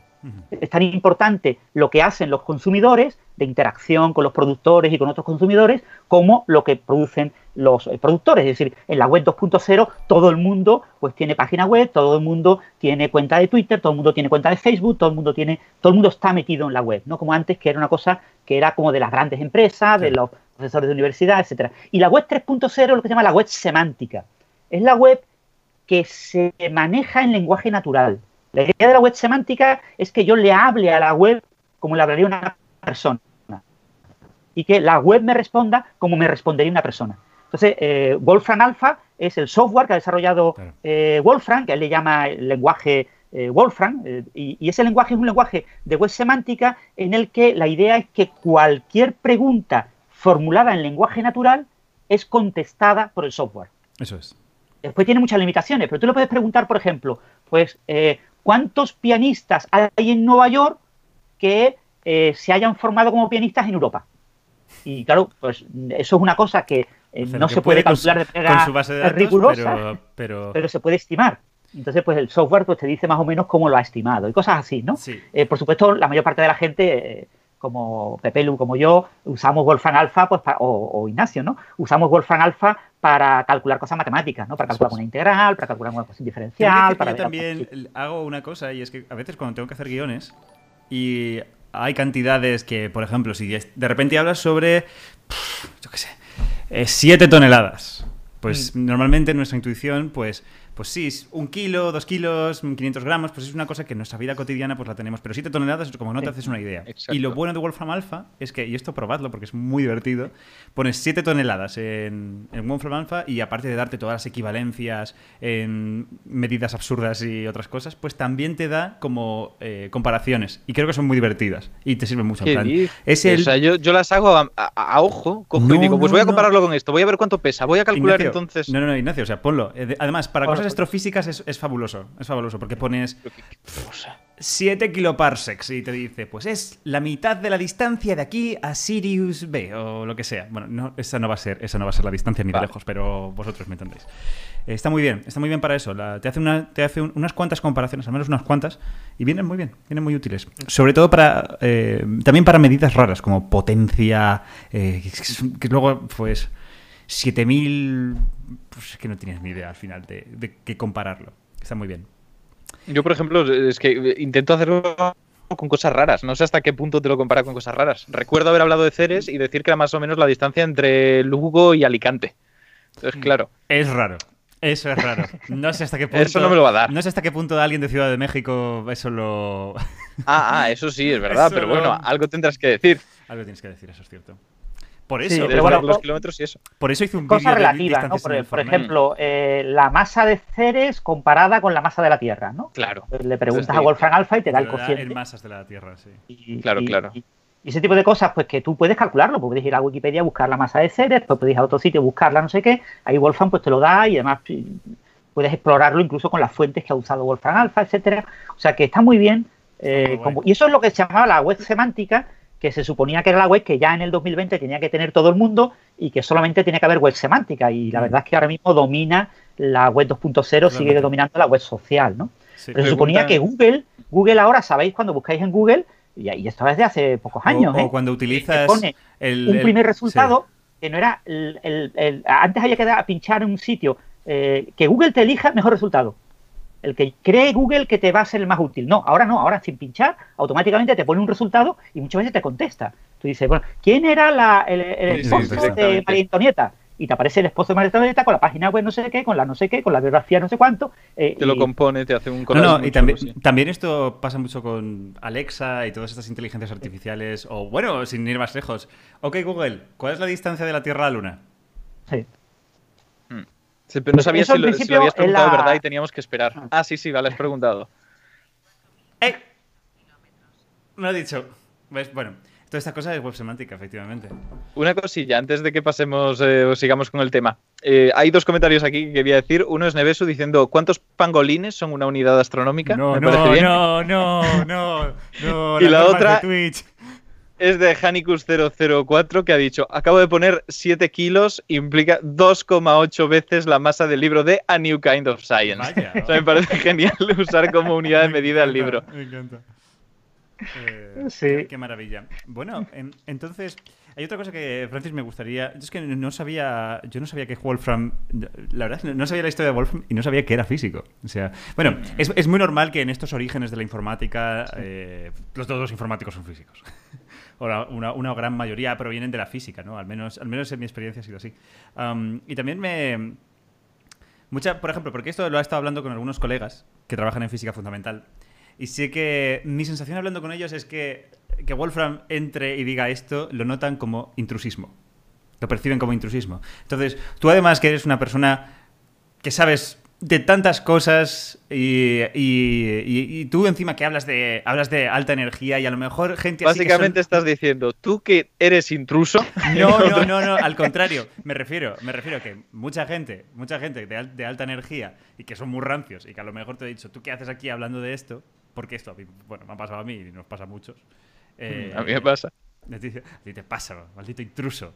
Eh, pues no sé, no sé hasta qué punto, ¿cómo lo ves tú el hecho de que una persona fuera de un campo eh, haga una aportación como... Porque también, bueno, Wolfram se ha saltado reglas, tal y como, tal y mm. como Aparici decía en su artículo en, La Razón. No ha publicado esto. No ha publicado esto de la manera tradicional. No sé cómo lo Claro, eso, eso es así. O sea, eh, obviamente, eh, bueno, eh, por situar un poco el asunto, la tesis doctoral de Wolfram fue en el Caltech, en el Tecnológico de California, donde estaba Kip Thorne, donde estaba Richard Feynman. En el tribunal de tesis doctoral de Wolfram estuvo Richard Feynman, fue uno de los mm. miembros del tribunal, mm. y su tesis doctoral era una tesis doctoral sobre QCD, sobre cronométrica cuántica. Él calculaba la producción de quarks en las colisiones electrón-positrón. ¿Eh? que era una cosa que en aquel momento era muy útil, pues estaba concibiendo el futuro eh, LEP, ¿no? El, gran colisionador electrón-positrón, que fue el predecesor del LHC. Entonces es una tesis eh, doctoral a nivel teórico de lo que se estaba que era importante para lo que se estaba conceptuando que iba a ser un, instrumento científico que se iba a empezar a, construir como en 1900, bueno, 5 o 6 años más tarde, mm. en 1986, o por ahí empezó las obras y del túnel y, empezó a tomar datos como en 1992 o por ahí 1991, 92. Entonces, eh, es una tesis básicamente de física de partículas, ¿no? Y, Wolfram siempre ha estado en ese borde de, ser un físico teórico aunque es más fenomenológico, más que teórico puro, no es un gran, nunca ha propuesto grandes ideas, que, sino que ha sido más de tipo fenomenológico, trabajar con las herramientas y con las ideas de otros para eh, calcular resultados de colisiones, pero en ese sentido yo no creo que sea una persona tan intrusa. Lo que sí es verdad es que abandonó completamente la universidad, abandonó completamente la investigación en, en, esta línea de alta energía de física teórica, donde había gente que decía que era muy bueno, que era muy inteligente, que tenía ideas muy buenas, y se dedicó a la informática y a convertirse en millonario. Hay varios físicos que han hecho eso, ¿vale? Milner, por ejemplo, el de los eh, eh, premios Breakthrough, son los premios más caros, eh, son del orden de varios millones de, de, dólares a quien lo recibe, lo que pasa es que no siempre lo recibe una persona, pero cuando lo recibe una persona es un premio muy bien dotado, es casi tres veces un premio Nobel. Y además que premia a resultados de lo que le gusta a Milner, ¿vale? Premia a lo que él quiere. Además, ahora financia también Zuckerberger y dos o tres, dos o tres amiguetes, ¿no? Son físicos teóricos que abandonan la física teórica, se meten en el mundo de las inversiones, se meten en el mundo de la bolsa. Este era el caso que conocía. Hacen eh, mucho dinero. Sí, era un teórico, recuerdo el caso, ¿no? no me acuerdo muy bien. Un teórico de cuerdas se salió, hizo un programa de estos de, compra de acciones más o menos inteligente, muy rápida, y el tío se forró. Sí, eso hay varios, ¿eh? ha habido varios que lo han hecho, ¿eh? Y no sé si es el caso concreto de Milner, porque Milner eh, no recuerdo que hizo la tesis doctoral, es ruso, pero sí se ha hecho millonario haciendo inversiones. Él tiene una empresa de inversiones. Sí. Entonces, gana tantos millones que para él, todos los años, eh, soltar 10 o 12 millones de dólares en premios a físicos y matemáticos de renombre, pues es irrelevante. Es una cosa que para él, para su riqueza, es una cosa como regalar unos cuantos euros. Y entonces, pues está dando dinero a muchísima gente, ¿no? Y, sus premios, los premios Berexoro, probablemente dentro de 30 o 40 años, si se sigue manteniendo, si él maneja correctamente su herencia y logra que una fundación mantenga eh, sus premios, pues serán recordados como premios más importantes incluso que los premios Nobel porque la dotación económica es muy, muy importante en estas cosas, ¿no? Entonces, yo en ese sentido no creo que Wolfram sea muy intruso, ¿vale? Pero sí es verdad que es intruso porque eh, su manera de ofrecer ideas es muy de crackpot, es muy de, persona radical, de persona que se ha ido fuera, ¿no? Y que le importa un comino mm, que se hable en el campo, le importa un comino que se investigue mm, y asistir a conferencias, ¿para qué? ¿Para qué saber lo que los expertos están ahora debatiendo y, qué eh, son los temas realmente relevantes que están haciendo avanzar la física teórica? Y eso, sí que es un gran problema. Porque una de las claves de la ciencia ha sido el intentar conseguir un sistema por el cual comunicarnos y mantenernos actualizados y que así los esfuerzos no se limiten a lo que una persona puede aportar, sino que sean en conjunto. La Big Science que estamos viviendo ahora es en parte eso, el haber podido potenciar esas características. Y aparte de esto, para bajar el nivel un poquito, voy a decir que al fin tenemos respuesta. Ya sabemos cuántos pangolines equivalen a una unidad astronómica, porque parece ser que ha podido calcularlo. ¿En serio? sí, sí, sí. Y es un número exageradamente grande, por supuesto, calculando el Manis Javanica, que es el más grande y mide unos 59 centímetros. Entonces, dejadme que lo divida en grupos de, tres para que sepa cuánto es esta cifra. Son unos eh, vale, eso es uno, dos, tres, vale. Pues estamos hablando entonces de 253 millones, ¿no? Sí, estamos ahí. Sí, 253 millones 555 mil 700. No, me he equivocado. Vale, 253 billones 555 mil millones, ¿no? En fin. Ay, no sé leer este número. Me estoy dando cuenta que no sé leer este número. Hay muchísimos. ¿Cuántos ceros tiene? Eh, eh, hay uno, dos, tres, cuatro, ceros. O sea, cuatro grupos de tres ceros. Hay doce ceros. Así que es un billón español. Es un billón No, es un billón. Sí, es, un billón, español, exacto. por eso, por eso. No, eh, no hay tantos, porque hay una coma. Hay 25.355 millones, 500... No, perdón, me he equivocado yo. ¿Ves? ¿Ves? Es que es, Perdón, perdón. Son 253. ¿Para qué tanta física si luego no podemos contar pangolines? es que nos faltan los espacios en blanco. ¿Por qué? Faltan los espacios en blanco. Pero sí que hay 12... Ah, no, hay 11 ceros. Sí, son 253.555 millones 713.050,84 pangolines, asumiendo que tienen un tamaño de 59 centímetros, olvidando que los pangolines, como todos los seres vivos, tienen un tamaño variable. Exacto. y olvidando que, como no se haga el clip de esto, me voy a cagar en todos los sagrados. Y olvidando que alinear a tantos pangolines es inviable en la Tierra y por lo tanto la mitad estarían muertos. También hay que tener en cuenta que, la atracción gravitacional no permitiría que estuvieran en línea recta. Exacto. Los, pangolines más grandes rondan el metro, por lo que es fácil eh, calcular esta distancia, solo hay que poner ese número, eh, el año luz en metros y ya está. Eh, ese es el número de pangolines. Porque hay, los pangolines más grandes, estirados, serían como los rumais, como los jugadores de baloncesto humano. Eh, ponemos un jugador de baloncesto humano, ¿cuánto mide? Dos metros diez. Pues, o dos metros. Pues el dos metros de un jugador humano de baloncesto sería el metro en un pangolín de los grandes, ¿no? Hay pangolines que son más pequeños. Y, poniendo un metro, pues sería muy fácil coger la, la cifra, ¿no? No hay que y, lo partes por la mitad y, tienes el número en 50 centímetros. También depende de la época, porque quiero decir, los pangolines de ahora no son como los de hace 10 años, que esta caza masiva que está viendo está implicando que cada vez son más chiquitines, porque más pequeños, menos escamas, menos los aprovechan, dejan que crezcan. Así que igual es un número variable. Déjalo tú avanzar 5 años y a ver cuántos pangolines equivalen a una unidad astronómica. ¿Podemos hacer un episodio solo de esto? Como de calcular Por supuesto que sí. cosas absurdas. Sí. Recuerdo que... Eso estaría muy bien, porque eso es lo que, lo que Fermi llamaba los problemas de Fermi, ¿no? Los problemas de... Sí, de hecho, SKCD en su libro, eh, no sé si lo has leído, el libro de SKCD, que calculaba cuánto es un mol de moles, de, topos. Sí. Y que es, es, una maravilla de cálculo. Eh, estos cálculos absurdos están muy divertidos. Y es lo que contabas de Fermi, ¿no? Lo de los cálculos estos que hacía, de aproximaciones, ¿no? Cuéntalo, cuéntalo, Francis. Sí, bueno, el, Fermi era muy famoso por ese tipo de cálculos muy aproximados, ¿no? Y, quizás el cálculo más famoso eh, fue el tema de lo de la, eh, la, energía emitida por una de las primeras explosiones de las primeras pruebas nucleares, ¿no? Eh, había muchas maneras para tratar de medir cuánta energía iba a emitir la, explosión nuclear y una de las cosas que se le ocurrió a Fermi era la distancia a la que estaban ellos de seguridad, que era bastante insegura, por cierto, porque no había buenas medidas de seguridad en aquella época, porque se, hubo mucha gente contaminada en ese tipo de pruebas nucleares, porque no sabían que era malo.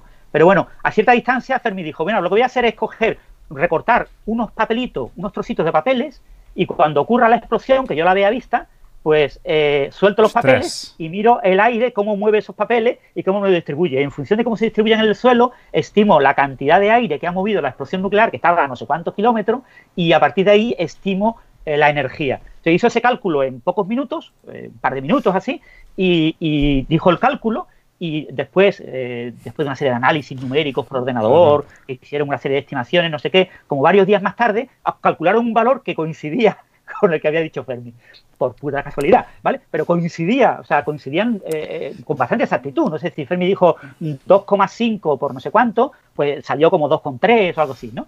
Y, entonces ese, la gente se quedó allí diciendo, pero ¿cómo puede este tío con unos papelitos calcular mejor que todos los ordenadores y todos los sensores que hemos puesto y todo lo que hemos tenido que recoger cantidad de datos para poder estimar este valor y él a ojo de buen cubero lo, ha hecho, ¿no? Esos eran los problemas de Fermi. Pero esto un montón de grandes físicos lo han hecho. Este tipo de cálculos como como assumptions súper tontos, súper sencillos, mm. pero que dan al clave, dan el clavo al menos con el orden de magnitud.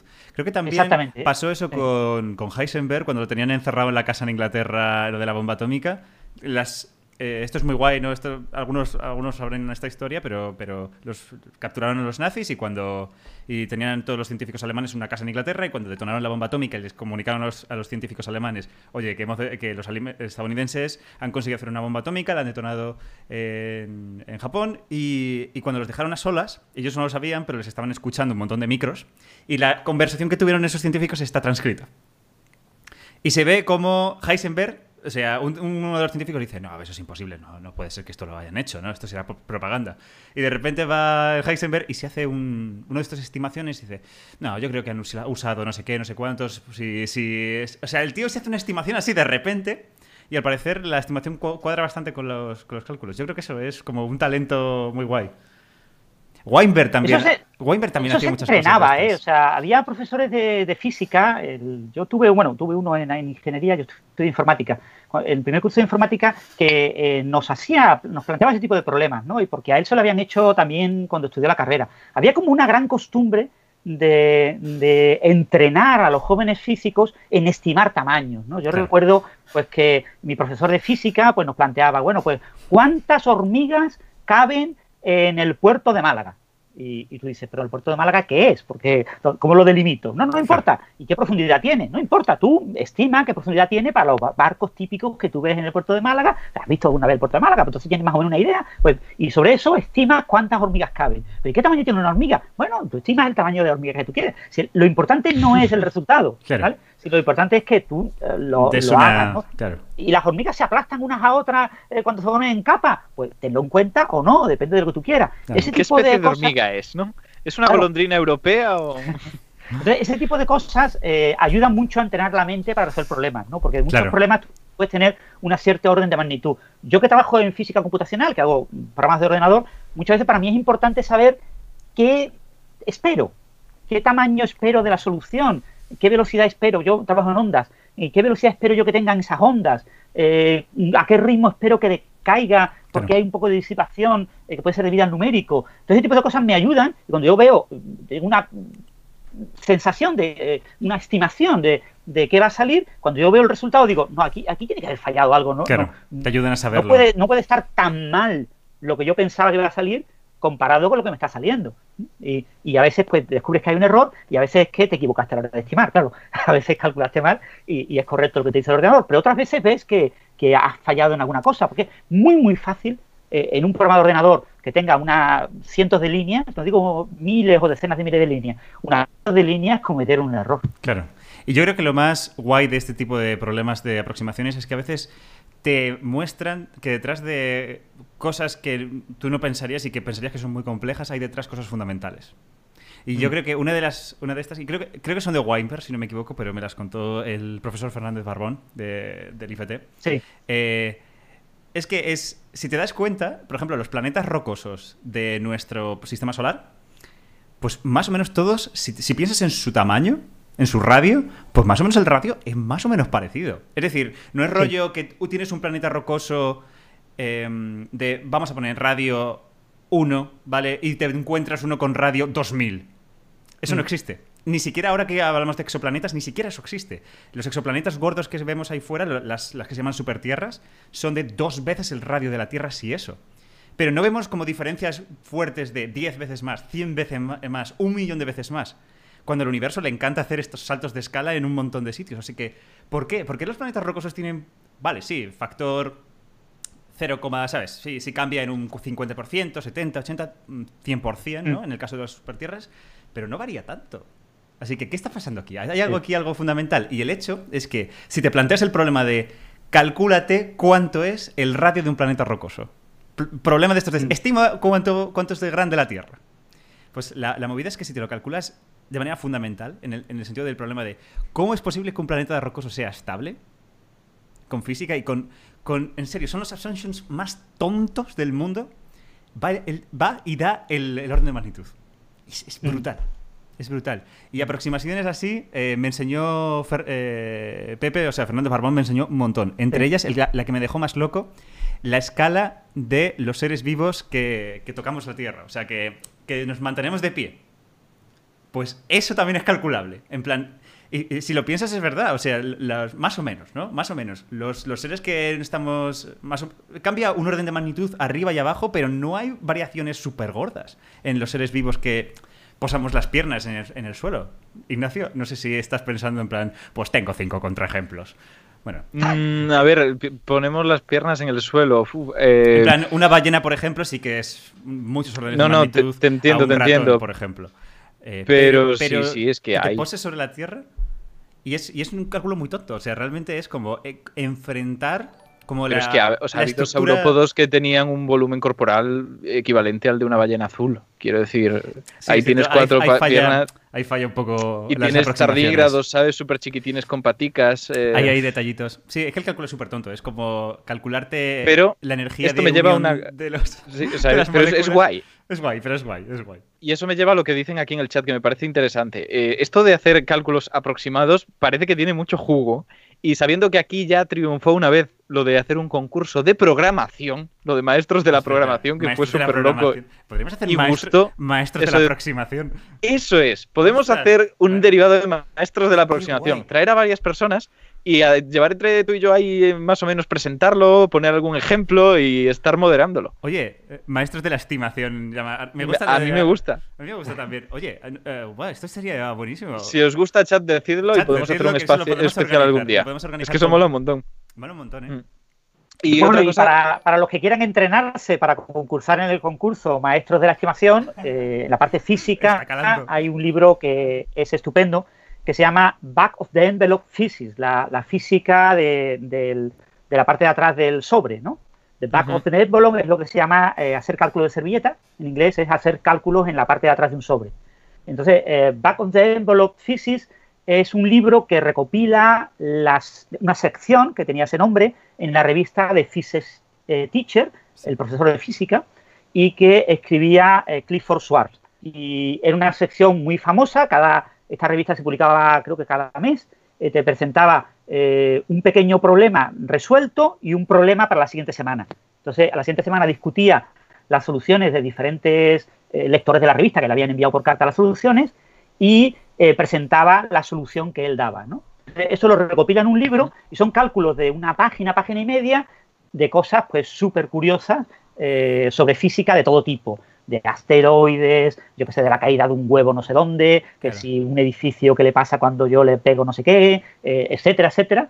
Eh, y, es, y te entrena porque vas viendo ejemplos muy, muy diferentes de física y te das cuenta que con cálculos relativamente sencillos con estimaciones, eso sí, ingeniosas, ¿no? que tienen un poquito de ingenio, que tienen un poquito de imaginación, puedes llegar a una respuesta correcta de orden de magnitud, e incluso más que de orden de magnitud. Eh, acertar incluso el primer decimal eh, relativamente fácil en un cálculo muy, muy sencillo.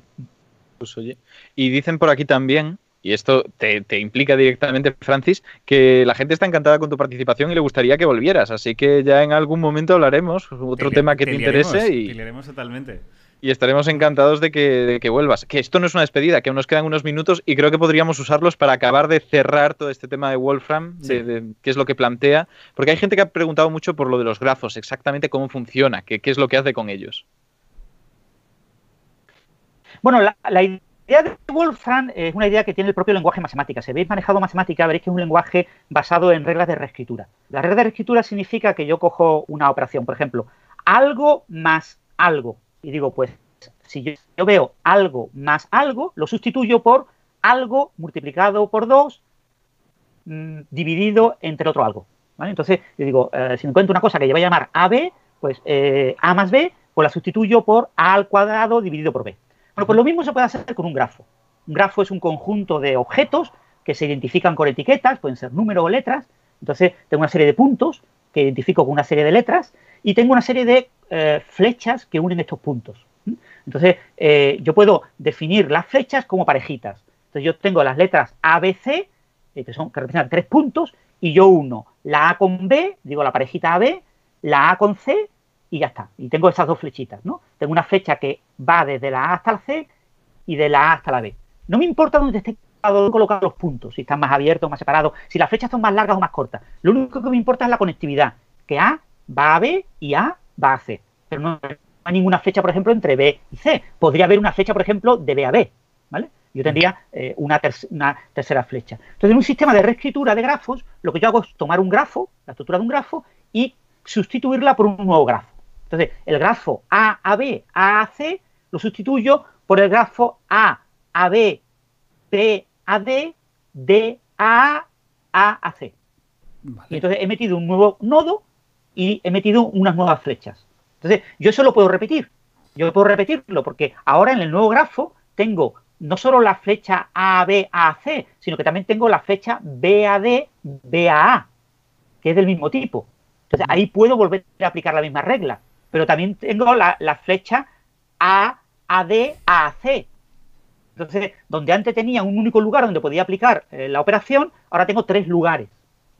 Entonces, a la aplicar en cualquiera de estos lugares, eh, primero tuve tres, tres, nodos, tres letras, me apareció la, una cuarta, la D, ahora al aplicarlo una segunda vez me aparecerá una más, me aparecerá una quinta y nuevos lugares donde aplicarlo. Y fijaros que yo puedo bifurcar el grafo. yo no tengo una única solución. Como puedo aplicar la regla en varios lugares, yo tengo una especie de, flujo de, cómputo, el, universo del grafo, el grafo como universo, se me va eh, eh, dividiendo en diferentes universos. Un universo en el que grafo he aplicado la regla en un lugar, otro universo en el que he aplicado en otro lugar, otro universo en el que he aplicado en otro lugar.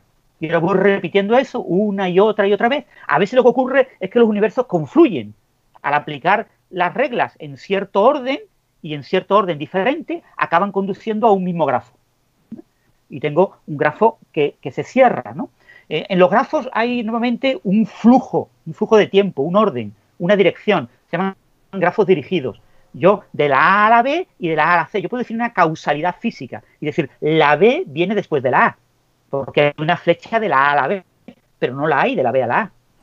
Entonces, eh, yo puedo definir un flujo del tiempo en el grafo. Entonces, yo puedo construir una estructura espacial. Cuando tengo un grafo muy complicado, pues en algunos casos, ¿eh? excepcionalmente, algunos grafos tienen una especie como de límite continuo, aparentan aparecer como superficies. ¿eh? Y puedo construir gráficos en, grafos en tres dimensiones. Y los grafos en tres dimensiones me pueden dar una cosa que parece un volumen, parece volumétrico. Y además tengo un flujo de tiempo, porque conforme voy aplicando las reglas sucesivamente, tengo como pasos discretos de tiempo, voy eh, generando grafos que mantienen una cierta causalidad. si construyo adecuadamente. Las reglas, no todas las reglas preservan la eh, causalidad. No todas las reglas tienen un límite continuo. Lo que plantea Wolfram es que mm, el sistema de eh, reglas de reescritura en grafos con los grafos adecuados de inicio y con las reglas adecuadas puede tener un límite continuo, que parece ser el espacio, puede tener una invarianza para la causalidad, es decir, aparenta tener una flecha de tiempo, y puede tener propiedades de tipo eh, relativista, puede tener una especie de velocidad límite eh, parecida a la velocidad de la luz, eh, que sería asociada a las longitudes de las flechitas y puedo tener una cosa parecida a la mecánica cuántica, porque los árboles se bifurcan y son como integrales de camino de Feynman, que van bifurcando con diferentes trayectorias clásicas, y puedo tener una serie de nociones. Pero todo eso Wolfram lo plantea un poco de palabra, ¿no? ejemplos bonitos y, poco más. Tal vez con estos principios, si se tunean correctamente, pues pueda emerger todo. Eh, claro, es muy... Claro, no, no es decir prácticamente nada. Claro, lo, importante que tenemos que recordar es que seguro existe un sistema de reglas de reescritura que lo describe todo. ¿vale? O sea, cualquier cosa que tú puedas escribir con fórmulas matemáticas se puede escribir con un programa de ordenador. Y si se puede escribir con un programa de ordenador, se puede escribir con un sistema de reglas de reescritura en grafos. Eso está demostrado. Vale, claro. Ahora, lo que plantea Wolfram es que existe un sistema de reescritura en grafos muy sencillo, porque claro, si para describir las integrales de camino del modelo estándar yo necesito un sistema de grafos que tenga 40.000 millones de reglas, pues eso no me sirve para nada. Es una pérdida de tiempo, porque es un grafo que no me aporta absolutamente nada, ¿no? La idea de Wolfram es que quizás exista un sistema muy, muy sencillo, con muy, muy pocas reglas, eh, que describa toda la física. Lo que pasa es que nadie, ni a él se le ha ocurrido, ni a nadie creo que se le vaya a ocurrir en los próximos años, pero quién sabe. ¿Quién sabe? Bueno, yo creo que... y otra cosa después, y una cosa muy importante, la física requiere predicciones. Es decir, eh, en ningún momento Wolfram plantea que esto prediga cosas. O sea, su objetivo, sus ideas van en la línea de voy a emular lo que ya sabemos pero en ningún momento está planteando él, esto tiene un poder predictivo y me va a predecir resultados que con experimentos o observaciones cosmológicas voy a poder verificar, ¿no? Eso, eso es una cosa que ahora mismo Wolfram no se atreve a decir porque cree que no va a ser factible, eh, al menos en este siglo. Claro, porque además él planteaba como una cuantización del espacio peor que la de Planck, ¿no? claro, él, plantea eh, la idea esta de las distancias, ¿no? Entonces él, dota a las flechitas de los grafos de cierta distancia. Él no habla de grafos, habla de hipergrafos, pero más o menos lo mismo. Y, plantea unas flechitas, unas distancias. Entonces plantea que hay una distancia tipo, tipo ¿no? tiene que conceptualmente, él cree que debe de existir una distancia mínima. Y entonces él plantea que esa distancia mínima debe ser tal que eh, cuando un grafo sea suficientemente complicado, a la escala de plan te dé un universo cuántico, relativista y con buena estructura. Entonces él dice, bueno, si la escala de Planck es 10 a la menos 35 metros, esto tiene que ser más pequeño. ¿Cuánto más pequeño? Pues mucho más pequeño, mucho más pequeño. Si la, eh, el número grande tipo que todo el mundo tiene en la cabeza es que la eh, constante cosmológica tiene un valor de 120 órdenes de magnitud más grande que lo que predice la teoría, 120.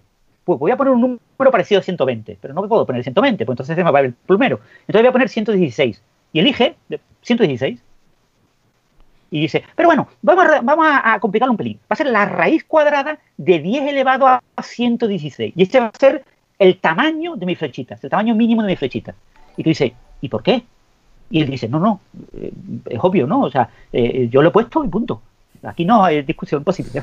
Esto tiene que ser más pequeño, pues yo pongo este número.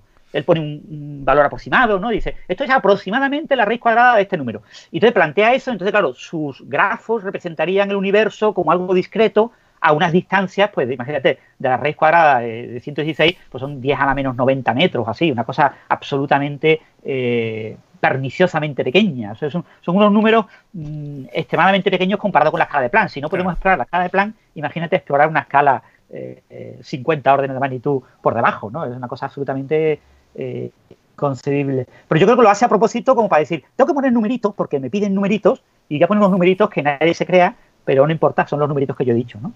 Joder, pues qué mal. Bueno. qué mal.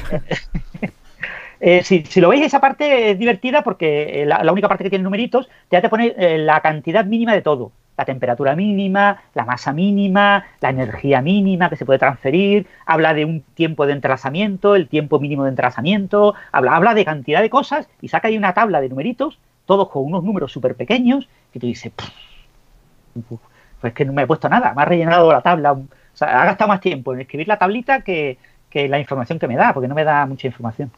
Claro.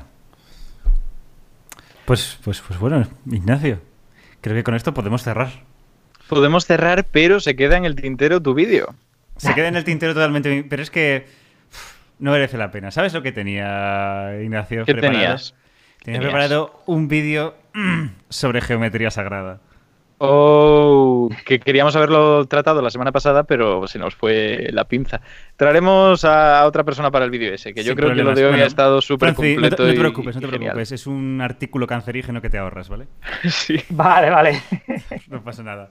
Pero eh, esto ha venido muy bien porque no lo hemos puesto en contexto, pero sigue en la línea del programa. Lo que hemos estado haciendo ha sido, bueno, sobre, todo los que saben que son Francis y Crespo, Pepelu, por decirlo aquí, hablar de cómo a veces aquello que se presenta también como ciencia y que mucha gente acepta y dice, no, no, si esto es ciencia, hay que tratarlo de forma crítica y ver hasta qué punto tiene razón, hasta qué punto no. Y esto es un ejemplo extremo, pero evidentemente hay muchos otros artículos que también se presentan como ciencia, que sí que se publican en revistas de un impacto serio y que por su metodología, si la analizas a fondo, de ciencia tienen más bien poco, según cómo queramos definirlo. Así que siempre alerta, siempre leyendo todo hasta el final antes de hacer ningún tipo de aseveración y con mucho cuidado, mucho, mucho cuidado. Exactamente, exactamente. Muy bien, y, un pues, punto importante, el seguir a gente que comente lo que lees, porque a veces eh, muchos artículos están escritos en un lenguaje muy técnico y abusan, no explican eh, básicamente yo quiero resolver este problema y aporto tal cosa y mira, así lo hago, sino que se embrollan unas cosas, ¿no? Como dijo Filipito y dijo Menganito y dijo Polopón, esto es interesante hacer tiritín. Así que voy a tiritinear hasta que me sale tiritín. Fijaros, me ha salido tiritín. Qué importante lo que yo he hecho, porque lo dijo Pilipón, que había que hacer esto. Y tú dices, es que es, real. Esto es importante. ¿Quién, quién, quién es mm, el, el polopón este? Entonces, eso, por ejemplo, eh, aparece, hay revistas dedicadas solo a artículos de este tipo, ¿no? La revista de Toff, por ejemplo, de Toff es premio Nobel, y un tío que yo admiro mucho su trabajo, etcétera. Pero la revista que tiene de Fundamental Physics en Springer es una revista en la que se publican artículos de metafísica. Entonces, ahí se ha publicado de todo, artículos muy, muy buenos y artículos que son absolutamente eh, indigeribles, ¿no? Es una cosa eh, terrible. Entonces, muchas veces el lector sobre todo el joven, ¿no? El, joven que está en bachillerato, que está en primeros cursos de universidad, e incluso el, que ha acabado recientemente la carrera, eh, puede verse abrumado por, la, por el tecnicismo, por la jerga y no entender bien lo que pasa. Ahí lo que puedes hacer es recurrir a quien lo cita, a quien habla de ese artículo y ver eh, hay ciertas personas pues, que te pueden merecer más o menos respeto y puedes compartir más o menos su opinión, pero pueden dar opiniones que te sirven para ir moldeando tu propia opinión sobre ese tema. O sea, que seguir, por ejemplo, a, a Pepelu, o seguir a Ignacio, seguir a mí, seguir a otros divulgadores, de hecho, cuando hablamos de estos temas, te puede dar eh, elementos, puntos clave para poder eh, digámoslo así, entender mejor los artículos. Justo, de hecho en el chat lo han dicho, han dicho, lo importante es seguir a Francis en Twitter, que recordad que tenéis ahí puesto desde el principio su arroba debajo de su cara, que no lo hemos dicho, pero bueno, yo creo que se entendía. Un segundo, se para este programa, se para este programa. ¿Cómo que nos han metido una denuncia? Si no hemos hecho nada. Este no programa, hemos hecho nada. Este programa ha sido terriblemente cristiano.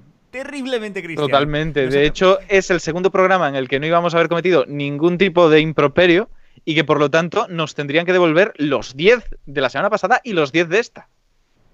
Es decir, aquí se recurre. No, por supuesto. Eso, custodien, custodien, ¿qué ha pasado aquí? Por favor, o sea, ya sé que tú eres el moderador, el moderador supremo, pero ¿por qué ha pasado esto? qué vergüenza. Oh, qué, mal, qué mal. Qué, vergüenza. Qué mal. Bueno. Seguro que ha sido porque he dicho yo algo que estaba mal. Vosotros no habéis cometido la pata. no, Pero bueno, completando lo esto, es, esto es por cuando se nos escapan algún insulto o lo que sea. Nos ponen denuncias. Tenemos 71. Tenemos 71. Uf, cuando se llega a 100 esto va a ser lo peor. Ya Llevamos dos semanas sin cometer ninguna. De verdad que nos tienen que devolver 20. Eso es lo que acordamos en el directo. Completando lo que dice Francis, también es muy recomendable no solo seguir a los divulgadores, porque nosotros somos divulgadores, podemos, podemos efectivamente estar muy informados, contrastar muchas cosas, ser básicamente de las de los eh, de las materias, ¿no? Estar formados en las materias eh, de las que se trata, pero también es muy importante también seguir a científicos que también pues gastan parte de su tiempo en redes sociales, como puede ser Francis, como puede ser gran parte de Naucas, o, gente que son más popularizadores de la ciencia, ¿no? En el mundo inglés. Eh, Sean Carroll, por ejemplo, y, Lisa Randall también está, por ejemplo, también les sigo, y es interesante ver lo que ver lo que opinan. Eh, que son, son científicos, son los que trabajan a diario con esto. Mm. Nosotros no estamos tanto en contacto con ellos, a pesar de que, de que formamos parte un poco del sector de algún modo. y fijaros una cosa muy, muy importante. Eh, en este tema de Wolfram, por ejemplo, si os habéis fijado bien, los grandes divulgadores de la física están callados. Calladísimos, totalmente. Porque no tienen nada que decir. Ese es el tema. Lo, cuando los grandes divulgadores de la física no hablan de un tema es porque ese tema es irrelevante. No porque, porque cuando no hay nada que decir, pues mejor te callas y, hablas de las cosas que son relevantes. Entonces, a mucha de esta gente, pues a Sin Carlos, yo que sé, a Lones Causa, incluso a Michio Kaku, pues no nos he escuchado todavía decir nada sobre. incluso. que si él no ha dicho nada. Uh. Trouble. Vale, pues, pues estupendo. Pues con esto creo que podemos cerrar eh, la jornada de hoy. Bueno, Francis, muchísimas gracias por pasarte. De verdad, te lo agradecemos un montón que gastes nuestro tiempo aquí con nosotros. Creo que ha sido muy divertido y muy instructivo. Lo ha sido. Y te invitamos cuando quieras. Cuando quieras, estás invitadísimo a venir. placer. Cuando tengáis algo de física así que penséis que yo puedo aportar algo, pues contad conmigo. Y si no es de física, pues podré aportar menos, pero también puedo aportar alguna cosa. También, segurísimo. Y em, poco más. Vamos a hacer raid, ¿no? Vamos a hacer raid, ¿no? Aquí le hacemos raid. A Alex Ribeiro, por supuesto, y tenemos la frase. Alex, sí, sí, está, aunque, está, ¿no? Aunque también está Rocío y Javi. Como veas, yo es que yo, voy a mantener siempre a Alex Ribeiro. Yo creo que tenemos que hacérselo a él, es la tradición. Yo soy aquí conservador. Y es que Javi se le hicimos un día y no se enteró. Y, que es que esa es otra. y además, además que la frase de hoy va muy bien para Alex Ribeiro, porque es una unidad astronómica son y tengo ahí el número, ¿eh? pangolines. Oh, qué bueno, qué bueno. Claro, lo acabo de mandar por el chat, lo tenéis ahí. Vale, pues lo tenemos. Chicos, chicos, lo tenemos. Eh, Copia de eso y a Alex Ribeiro ahora. No estoy muy seguro si voy a poder hacer esto por la pérdida de poderes, pero. Mm, vale, es verdad. Eh, pero vas a tener que hacerlo tú. Espérate, te lo escribo, te lo escribo. ¿Tienes WhatsApp por ahí encendido? Tengo WhatsApp encendido. Vale, pues te lo voy a pasar por aquí. Eh, y eh, bueno, eh, Francis, que es que esto debe sonarte a, chino. Eh, vamos a mandar a toda la gente a otra a otro streaming que está ahora mismo en directo. Todos, las 200 personas que nos están viendo van a ir directas al canal de Alex Ribeiro que estará hablando de cositas astronómicas y se los vamos a mandar ahora mismo. Y, y, lo más importante, van a petarle el chat de un dato muy relevante para la vida de todas las personas que es que, una es la equivalencia. es que una unidad astronómica son 200.000 millones de pangolines. Así que estupendo. Ah, muy bien, seguro que lo acepta bien y, sabe lidiar con ellos. Y lo hacemos todas las semanas. seguro que... no le importa ni le parece intrusivo. Seguro que y, no.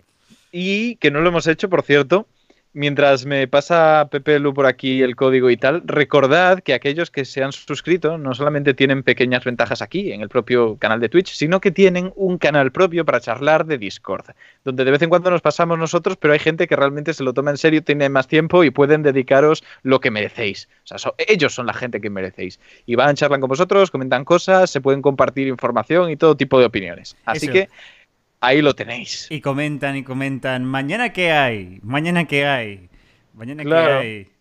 Eh, mañana, mañana, y, mañana, mañana qué hay. Mañana hay una competición entre Santa Olaya y, Santi, ¿no? El programa este que tienen compitiendo gente, que ponen a dos divulgadores a que luchen, básicamente. y en concreto. pero eso no son los viernes.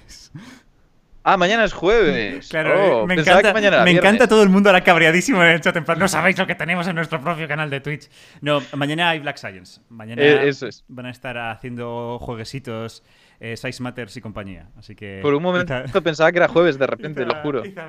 Oye, es que lo que no sabéis es que yo después de esto. O sea, en media hora. Y mañana, hay, coffee, y mañana hay coffee break. Que Miguel nos lo comenta también. en el chat. No, no Francis. ¿Estás mañana? ¿Vas a estar mañana en el capítulo de mañana? Sí, yo voy a estar mañana. Vamos a hablar de temas muy interesantes a priori. Y, a ver qué tal. Pues extraordinario. Os escucharé a Yo mañana falto por lo que os iba a decir, que es que yo en media hora, media hora sin más, me voy a grabar a ciencia cierta. O sea, no me da uh. tiempo de cenar. Y claro, a ciencia cierta otras veces lo grabábamos los jueves, así que me ha rayado por completo. Sí, sí, sí. Bueno, Pido ahora, perdón. ahora que estoy públicamente respecto a lo de Coffee Break, mientras, mientras aquí Ignacio activa la raíz. Eh, no, no tengo permiso, me han dicho. ¿Cómo que no tienes permiso? lo envié hace un rato y creo que se nos ha pasado la oportunidad y ahora no tengo permiso. ¿Cómo? Pues voy a intentar que hacerlo yo. Bueno, Francis, mm, tengo que hablarlo con Héctor, pero, pero, joder, la insistencia de que vaya a Coffee Break, a pesar de que a mí me da muchísima vergüenza porque, me, vamos, lo, escucho siempre mientras animo. Eh, sí, no, pero tienes que venir, tienes que venir. Eh, que sabéis mucho. Ese, jueves voy yo también. O sea, que sí, y así, así es un lugar menos hostil. una de las cosas maravillosas de, Coffee Break es que en principio es una tertulia entre personas con formación científica, ¿no? Científicos y, diferentes, porque a veces ha venido pues gente que no tiene formación científica, ¿no? Pero la idea es una tertulia, entonces hablamos eh, como hablaríamos en un Coffee Break de un congreso. Y, bueno, ahí pues si va gente que sabe menos de un tema, pues aprende de los que saben y, siempre eh, el tema puede derivar de donde uno empieza a algo completamente alejado de lo que uno sea experto, porque eh, tú puedes llevar cualquier tema a tu terreno y ahí apoyar y, mostrar tu sabiduría sobre el tema si quieres, si quieres demostrarla. ¿eh? Entonces, en ese sentido, cualquiera puede intervenir sin problemas creo, Creo que nos tenemos que, nos tenemos que, ir muy en breve. Francis, mil gracias por pasarte. Ignacio, nos vemos eh, la semana que viene. La semana que viene. Ah, no, no, que nos vemos el viernes. Que no hemos hecho spam de lo nuestro. ¿Pero qué spam de lo nuestro? Cosmocaixa, el, el Facebook de oh, el viernes a las 7 y todos. Me encanta como no hemos hecho nada de spam de lo de Cosmocaixa. es que totalmente. Totalmente, qué melones.